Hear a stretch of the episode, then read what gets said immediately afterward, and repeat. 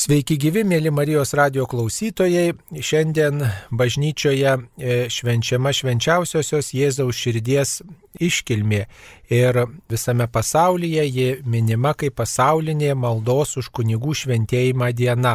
Meldžiamės už kunigus ir popiežius kviečia maldą lydėti kunigus jų tarnystėje, kad jie siektų šventumo, kad juos palaikytume visi savo maldomis. Ta proga Marijos radijas kalbina maldos už kunigus grupelės vadovę Stasę Eitavičianę, kuri tokią grupelę sutelkė Biržų parapijoje. E, Garbė Jėzui Kristui, mielas Stasė per amžius. Taigi džiaugiamės, kad jūs atsiliepėte į šį kvietimą ir papasakosite apie šitą iniciatyvą visiems Marijos radio klausytojams, kad ir jie galėtų ir savo galbūt parapijose sutelkti tokias grupelės, melstis už tuos kunigus, kurie jiems patarnauja, kuriuos jie pažįsta. Taigi kviečiame papasakoti, kaip jūsų parapijoje prasidėjo maldų už kunigus judėjimas maldų už kunigus grupelė mūsų biržų Šventojo Jono Krikštitoje parapijoje susikūrė 2015 metais.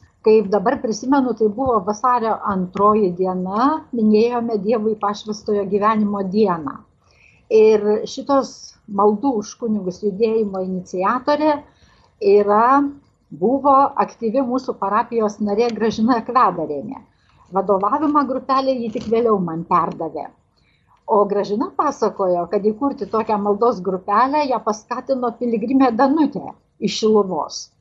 Mat Šiluvoje tikintieji 2015 metais jau meldėsi už kunigus. O tuo laiku tokios maldos grupelės kūrėsi ir kitose parapijose Lietuvoje. E, procesas pas mus bent jau pagreitėjo, kai skatinti tikinčiuosius melstis už kunigus pradėjo nukryžiuotojo Kristaus seserų, seserų kongregacijos narės Biržiečiai lankėsi pas seseris vienuolinė Vilniuje, po metų keletas jų buvo atvykę į biržus, vėlgi prisimenu mūsų muziejus ir senalo salėje vyko sustikimas, kuriame seserys labai taigiai pasakojo apie maldų už kunigus ir iš visų maldų už pašaukimus reikalingumą ir svarbą, skatino jungtis į maldos grupelės.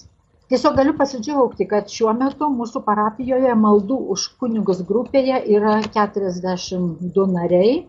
Esame susiskirstę į šešias grupelės po septynis žmonės. Baigiama formuoti ir septinta grupelė septynių žmonių, taigi pastoviai už kunigus artimiausių metų melsimės 49 žmonės. Visos šešios grupelės turi savo vadovus o kiekvienas grupelės narys yra įsipareigojęs melstis už kunigus ir pašaukimus konkrečią savaitės dieną. Be abejo, kai kurie melžiasi ne tik tą dieną, bet ir visas dienas, čia priklausomai nuo noro ir galimybių.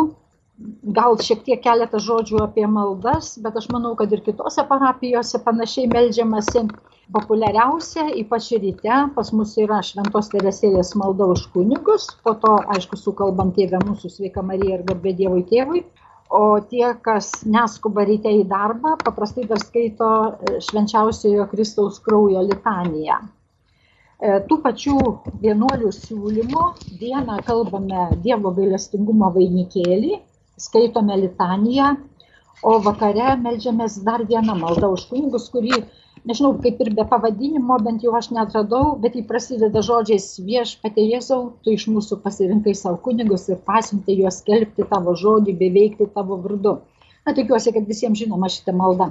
E, po maldos taip pat kalbame poterius, skaitome švenčiausios mergelės Marijos litaniją.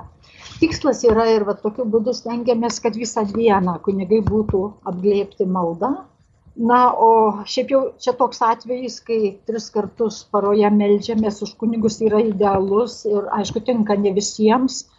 E, jis gerai yra tiems kurie yra namuose kurie nebegali išeiti iš namų sakykim serga ir galbūt į bažnyčią dažnai nebeateina.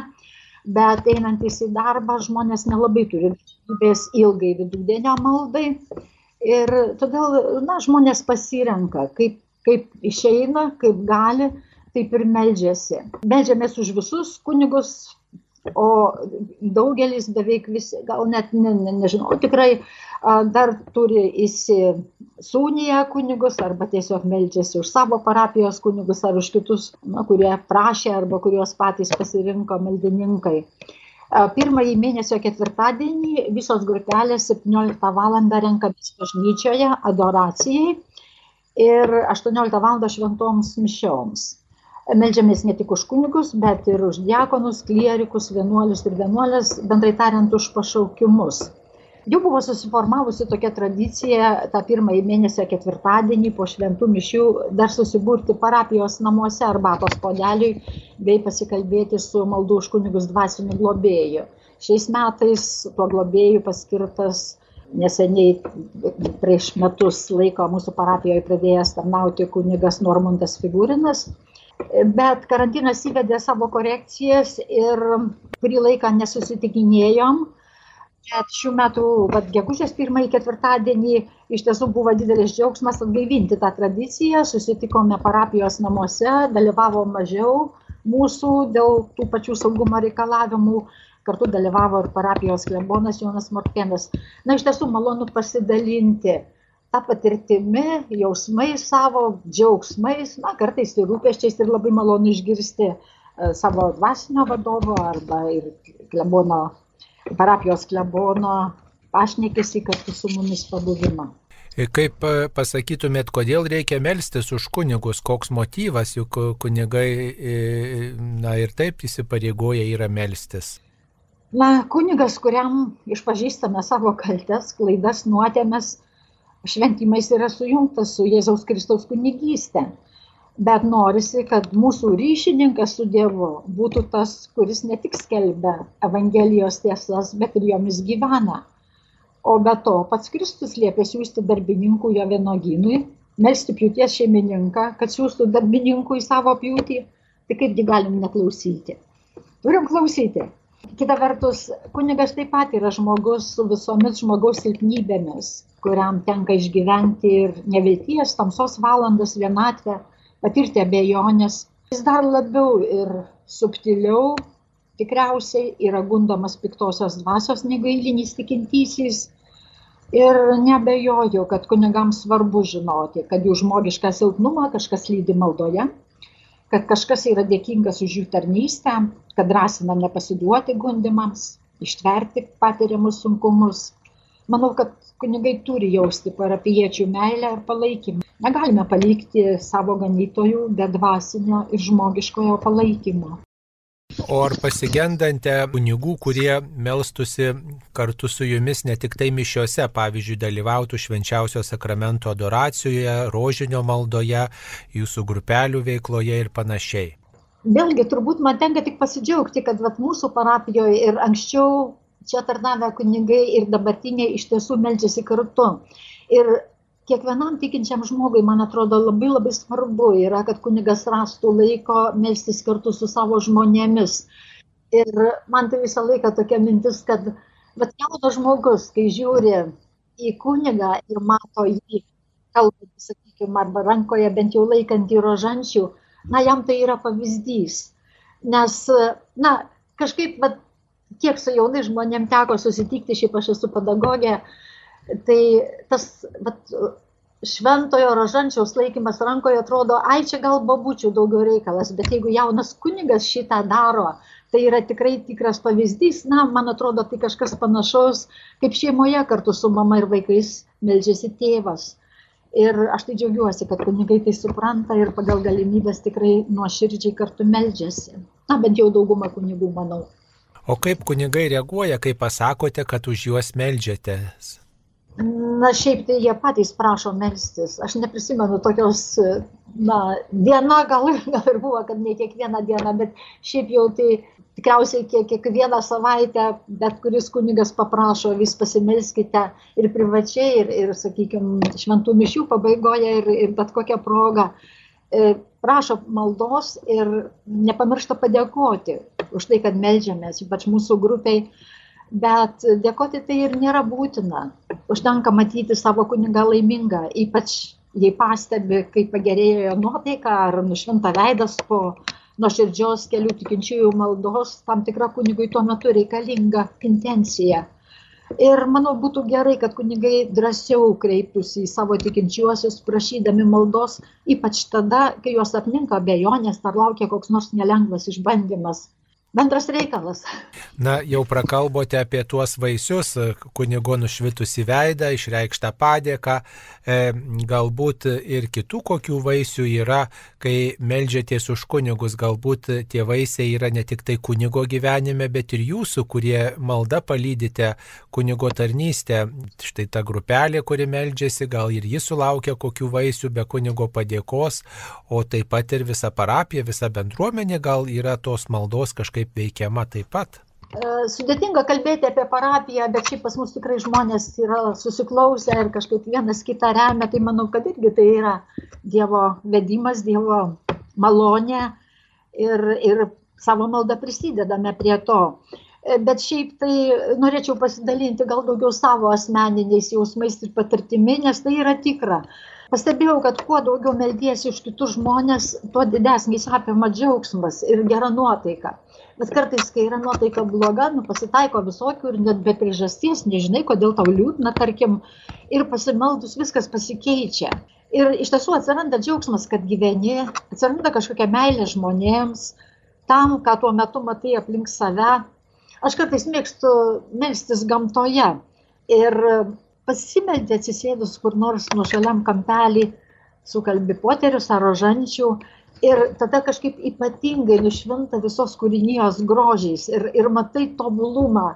Ir vėlgi atsiranda toks dėkingumas viešpačiai už tą kūrinyje, kurią, na, veltui tiesiog atidavė mum, kad džiaugtumėmės, gyventume, saugotume ją.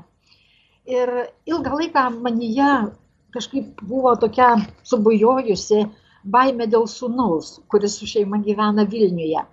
Na, ta baimė visiškai nepamatuota, nepagrista, bet, bet kažkaip atsibundi ryte arba dieną ateina tokia mintis, kad kažkas atsitiks, gal susirgs, gal įvyks avarija, gal panašiai, gal dar kažkas atsitiks. Na, pradėjau pastoviai melstis už jį ir jo šeimą, baimė dingo. Panašiai esu kalbėjus su kitais bažnyčios žmonėmis, tai būtent šitas atsiranda toks saugumo jausmas, kad tavo artimus žmonės saugo tikrai.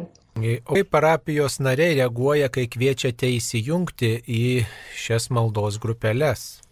Na, mūsų parapijoje yra šiokia tokia problema, nes yra, na ir džiaugsmas kartu ir problema. Yra ne viena maldos grupelė, o juose dalyvauja patys aktyviausi parapijos tikintieji. Taigi dauguma priklauso ne vienai maldos grupeliai. E, todėl bent jau kiek turiu įtakos šitai maldų už kunigus grupeliai stengiuosi, kad į naujai formuojamas maldų už kunigus grupelės įsitrauktų nauji žmonės. Ir ypač džiaugiuosi, jeigu melstis ateina, sutinka melstis jauni žmonės.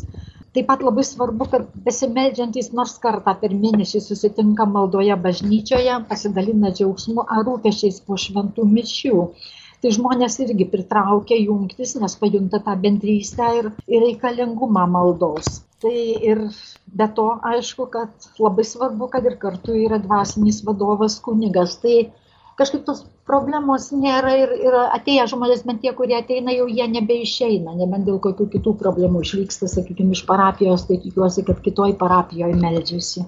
Galbūt iš kitų grupelės narių žinote apie tas maldos patirtis, kaip ta malda už kitus apskritai veikia kitus žmonės. Štai paliudijot iš savo gyvenimo, už kitus žmonės, kai meldžiatės už savo šeimos narius, o galbūt esate girdėję ir kitų žmonių patirčių minčių, e, kad ta malda tikrai e, vat, keičia žmonių gyvenimus, e, gražina ramybę ar panašiai. Taip, esame nekartą kalbėję ir, nu, vat irgi yra tie liūdėjimai, kad, tarkim, konkrečiai pradeda melstis už tam tikrą žmogų. Galbūt tai kaimynas, galbūt tai giminaitis buvo atveju, kai konkrečiai žmogus turėdamas problemą, net bažnyčios nelankantis paprašė maldos ir moteris meldėsi ilgą laiką, paskui pasikvietė dar savo draugę kartu melstis ir tam žmogui išsisprendė problemos.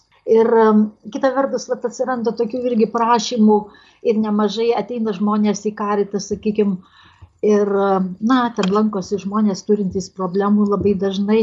Ir ne tik tai ateina lėkštės ribos, bet prašo pasimelsti. Ir vėlgi didelis džiaugsmas buvo tokiu atveju, kai matai žmogų blaivų ne vieną dieną, galbūt savaitę, galbūt kažkiek laiko, ateinantį į šventas mišes bažnyčiai ir besimeldžiantį. Taip kad tikrai patirties yra ir, ir tai yra faktas, kad malda veikia.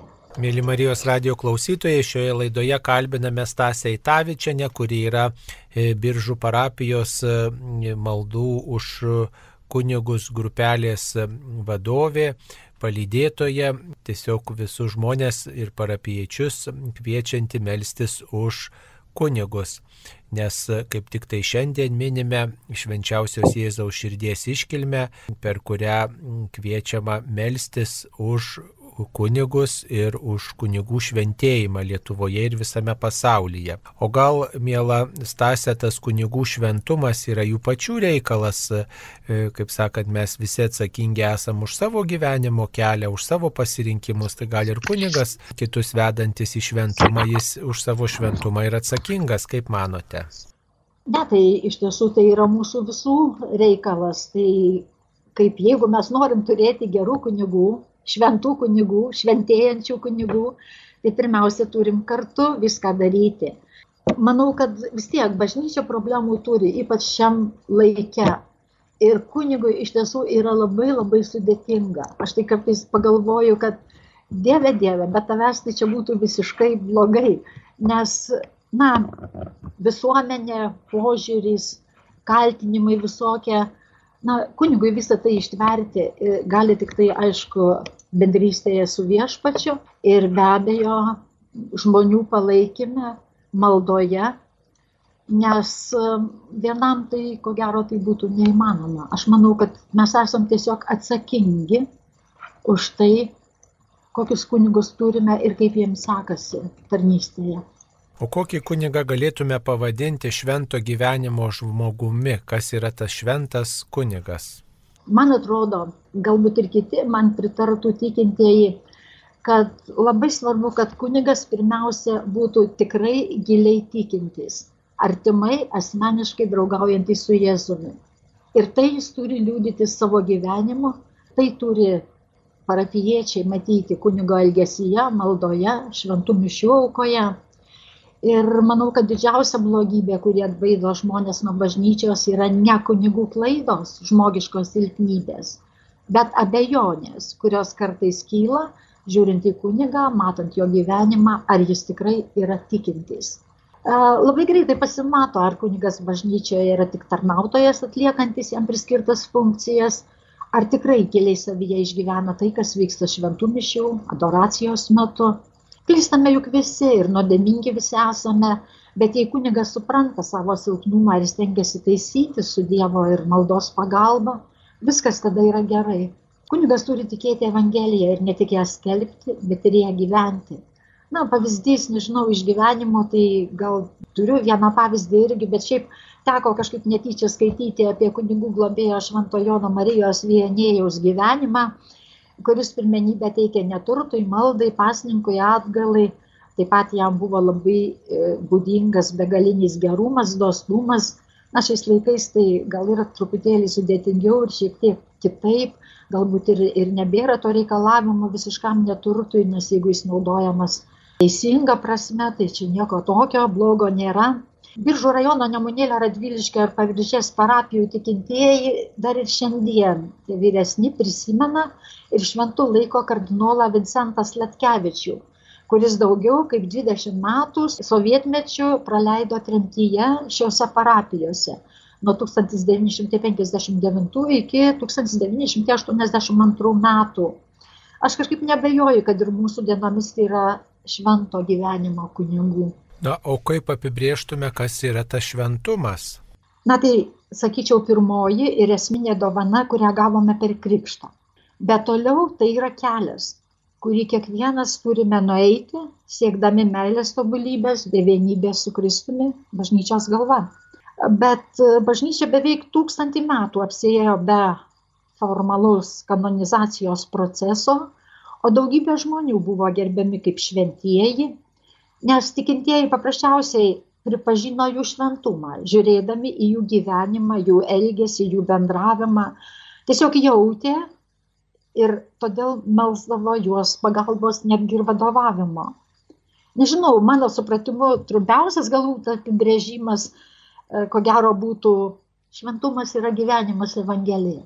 Bet kartais turbūt ir jūs girdėjote, kad kai žmogus, net ir tikinti žmogus, bažnyčia lankantis, besimeldžiantis žmogus, kai pavadinamas šventuoju, truputį susigėsta. Kodėl mes kartais gėdijamės, kai mus pavadina šventaisiais arba kai mums linki to šventumo, sakom, ai, tai ne dabar, tai dar čia, tai ne aš, tai kažkas kitas, tarsi mums tai turėtų būti kažkas svetimo. O juk ir Evangelijos šventajame rašte skaitome, kad apaštalas Paulius e, vadina krikščionis šventaisiais, siekiančiais to šventumo. Tai kaip čia yra, kodėl mums na, tas žodis nelimpa? Turbūt vėlgi priežasčių yra keletas priklausomai nuo, nuo pačio žmogaus. Na, tarkim, vyresnioji karta, mano karta. Tai gali būti toks atvejis, kad tiesiog mes buvom kitaip auklėjami. Na, niekada ne, nešokom į priekį, nerodėm savo privalumų, nesakėm, koks aš protingas ir taip toliau. Ir tai gali būti tiesiog vyresniosios kartos toks kuklumas, suvokimas, kad aš iš tiesų nesu šventas. Aš vadarau nuodėmės, va kiekvieną dieną kažką netaip padarau, kažką netaip pagalvoju, netaip pasakau. Ir nu ką jūs, nu, nu aš nesu šventas iš tiesų. Bet yra ir kitos priežastys, aš manau, ypač jaunesniai kartai. Tai man regis, kad priežastis yra šiandieninė kultūra, kuri, kuri yra linkusi įtikinėti visai ir, teikti visai kitas vertybės ir kitus tikslus.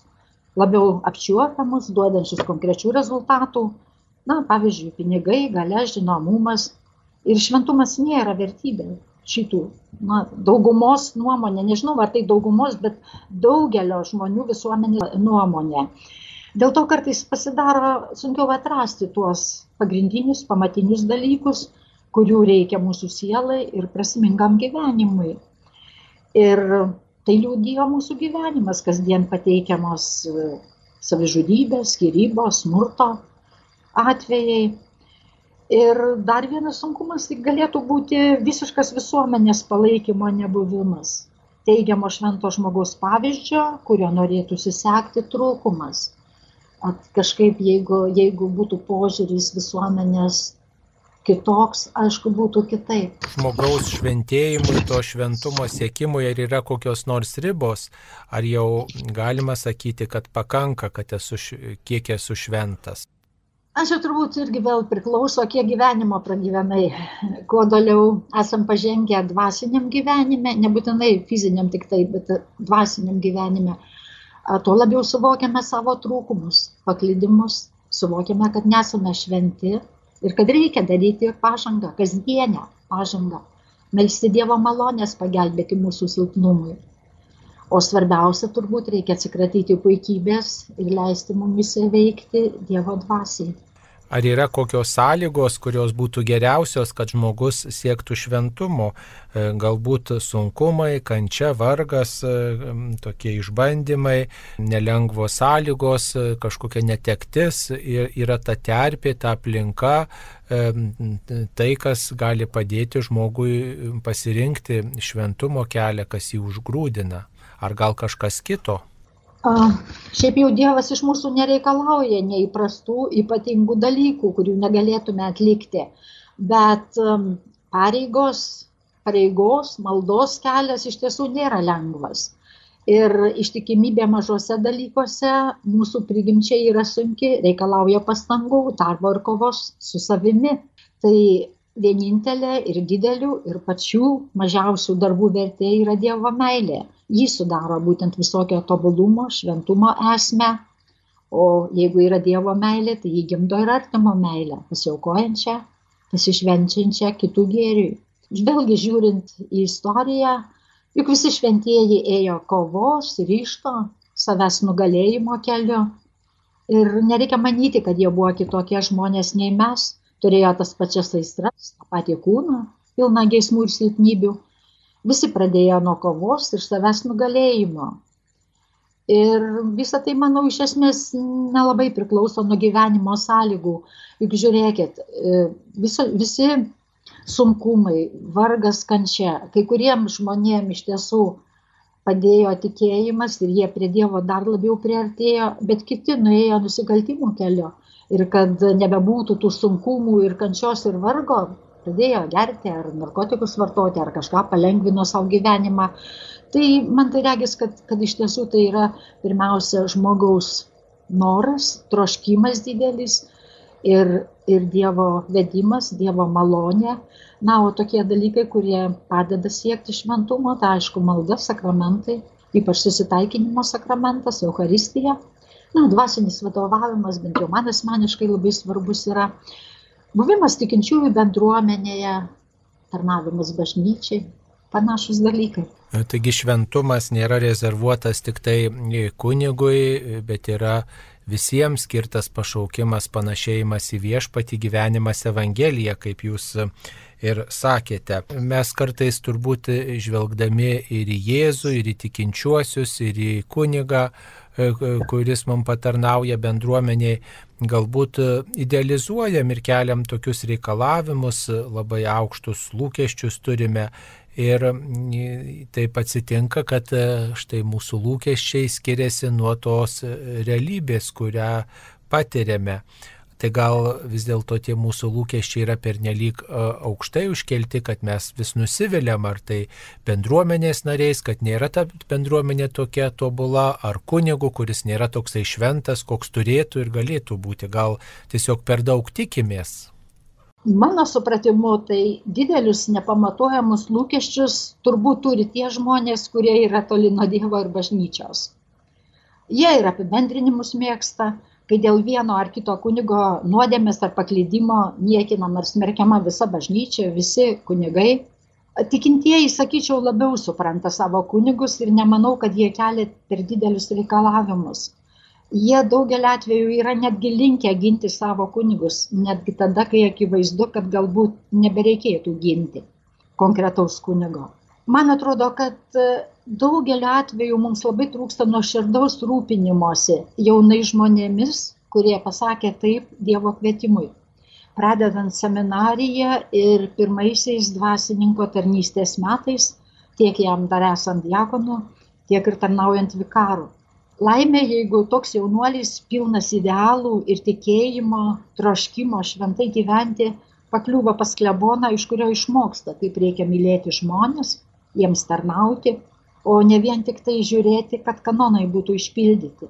Laimė, jei tokiam jaunam kunigui Vasiškiui leidžiama imtis iniciatyvos, burti jaunimą, organizuoti, o jei jis parapijoje sutinkamas vos nepriešiškai, jei jo klebonas pilnas pavydo ar net piktumo, kad nebeturi tokio tikėjimo ir galbūt jėgų kaip šitas jaunuolis, liepia jam apsiraminti. Arba dar blogiau, pradeda kaltinti būtais ir nebūtais dalykais, pasauliečių nuomonė, ir, ir tikrai ne mano vienos, iš šono žiūrint, atrodo, kad ir kunigai turėtų tarp savęs daugiau bendrauti, palaikyti vienas kitą, kartu pasimelsti, ne tik tada, kai dekanas ar viskupas sukviečia. Mums visiems reikia eiti bendrystės keliu, palaikant ir padedant, padedant vienas kitam. Kas galėtų išjudinti tuos žmonės eiti bendrystės keliu ir kas galėtų tą abejingumą, tokį tarp mūsų esantį, gal ir tarp kunigų atsirandantį abejingumą išsklaidyti. Juk gal sukrunta žmonės melstis tik tai tada, kai kažkas atsitinka, tik tai tada galbūt ir tos pagalbos prašo, kai kartais gal jau ir pernelyg vėlų yra. Na, kaip išsklaidyti tuos mūsų susvetimėjimo debesis? Atėjo toks laikmetis, kai reikia būti tiesiog, sakyčiau, žmonių žvėjais, nežinau kito palyginimo, kaip pasakyti, eiti į visuomenę, bendrauti su žmonėmis, žinoti jų bėdas ir rūperščius, ne vien sėdėti klebonijoje ar bažnyčioje ir laukti, kada tie žmonės ateis. Gali būti, kad greitai jie nebeteis, jeigu senoji karta išmirs. Vieniems kunigams tai sekasi, tokių pavyzdžių tikrai yra nemažai. Žmonės nori eina į bažnyčią, iš pradžių gal tiesiog norėdami pasižiūrėti, kas čia ir kaip čia, Ir žiūrėk, po kiek laiko Dievo šaukiami pradeda maldos žmogaus gyvenimą. Reikia kunigų, kurie gyventų tuo, ką skelbia, kurie tikrai paliktų savo žymę, patrauktų žmonės ir vestų juos kartu su savimi link Dievo. Be abejo, reikia ir pasauliečių, kurie savo gyvenimu, bendravimu, elgesiu liudytų tai, kuo patys tiki, bet nepamokslautų ar iš aukšto žvelgtų į galbūt pirmą kartą nedrasiai bažnyčios duris pravėrusi žmogų. Jo labiau pasitaiko atveju ir pati esu mačiusi, kaip nedrasiai bažnyčioje besijaučiantį žmogų prieėjęs parapietis, kuris bažnyčioje lankosi vos ne kasdien, pradeda pamokslauti, priekaištauti, na, kad jis neatsiklaupė, ar nelaiko atsisėdo, ar dar kažką netaip padarė. Šiaip jau, bet vėlgi iš patirties, nors mano ta patirtis nėra tokia labai didelė, tarybiniais metais atsakingos pareigos ir visa kita, buvau nutolusi nuo bažnyčios smarkiai ir tikrai esu dėkinga kunigui, jau jo nebėra šiam pasauliui, kuris padėjo grįžti į bažnyčią, drąsindamas, skatindamas ir todėl aš manau, kad kunigas tikrai gali atlikti, padaryti tą įtaką labai didelę. Ir kur yra kunigas, padedantis tikintiesiems aukti tikėjime ir meilėje, tegu klystantis ir nešventasis, ten net ir po kunigo iškėlimo iš parapijos ar net mirties kažkas lieka. Na, dažniausiai tai žmonių noras dalyvauti bažnyčios gyvenime, gyvos, spindinčios tikinčiųjų akis, šypsenos, geranoriškas rūpestis vienų kitais ir savo parapijos kunigais. Duok Dieve daugiau tokių kunigų.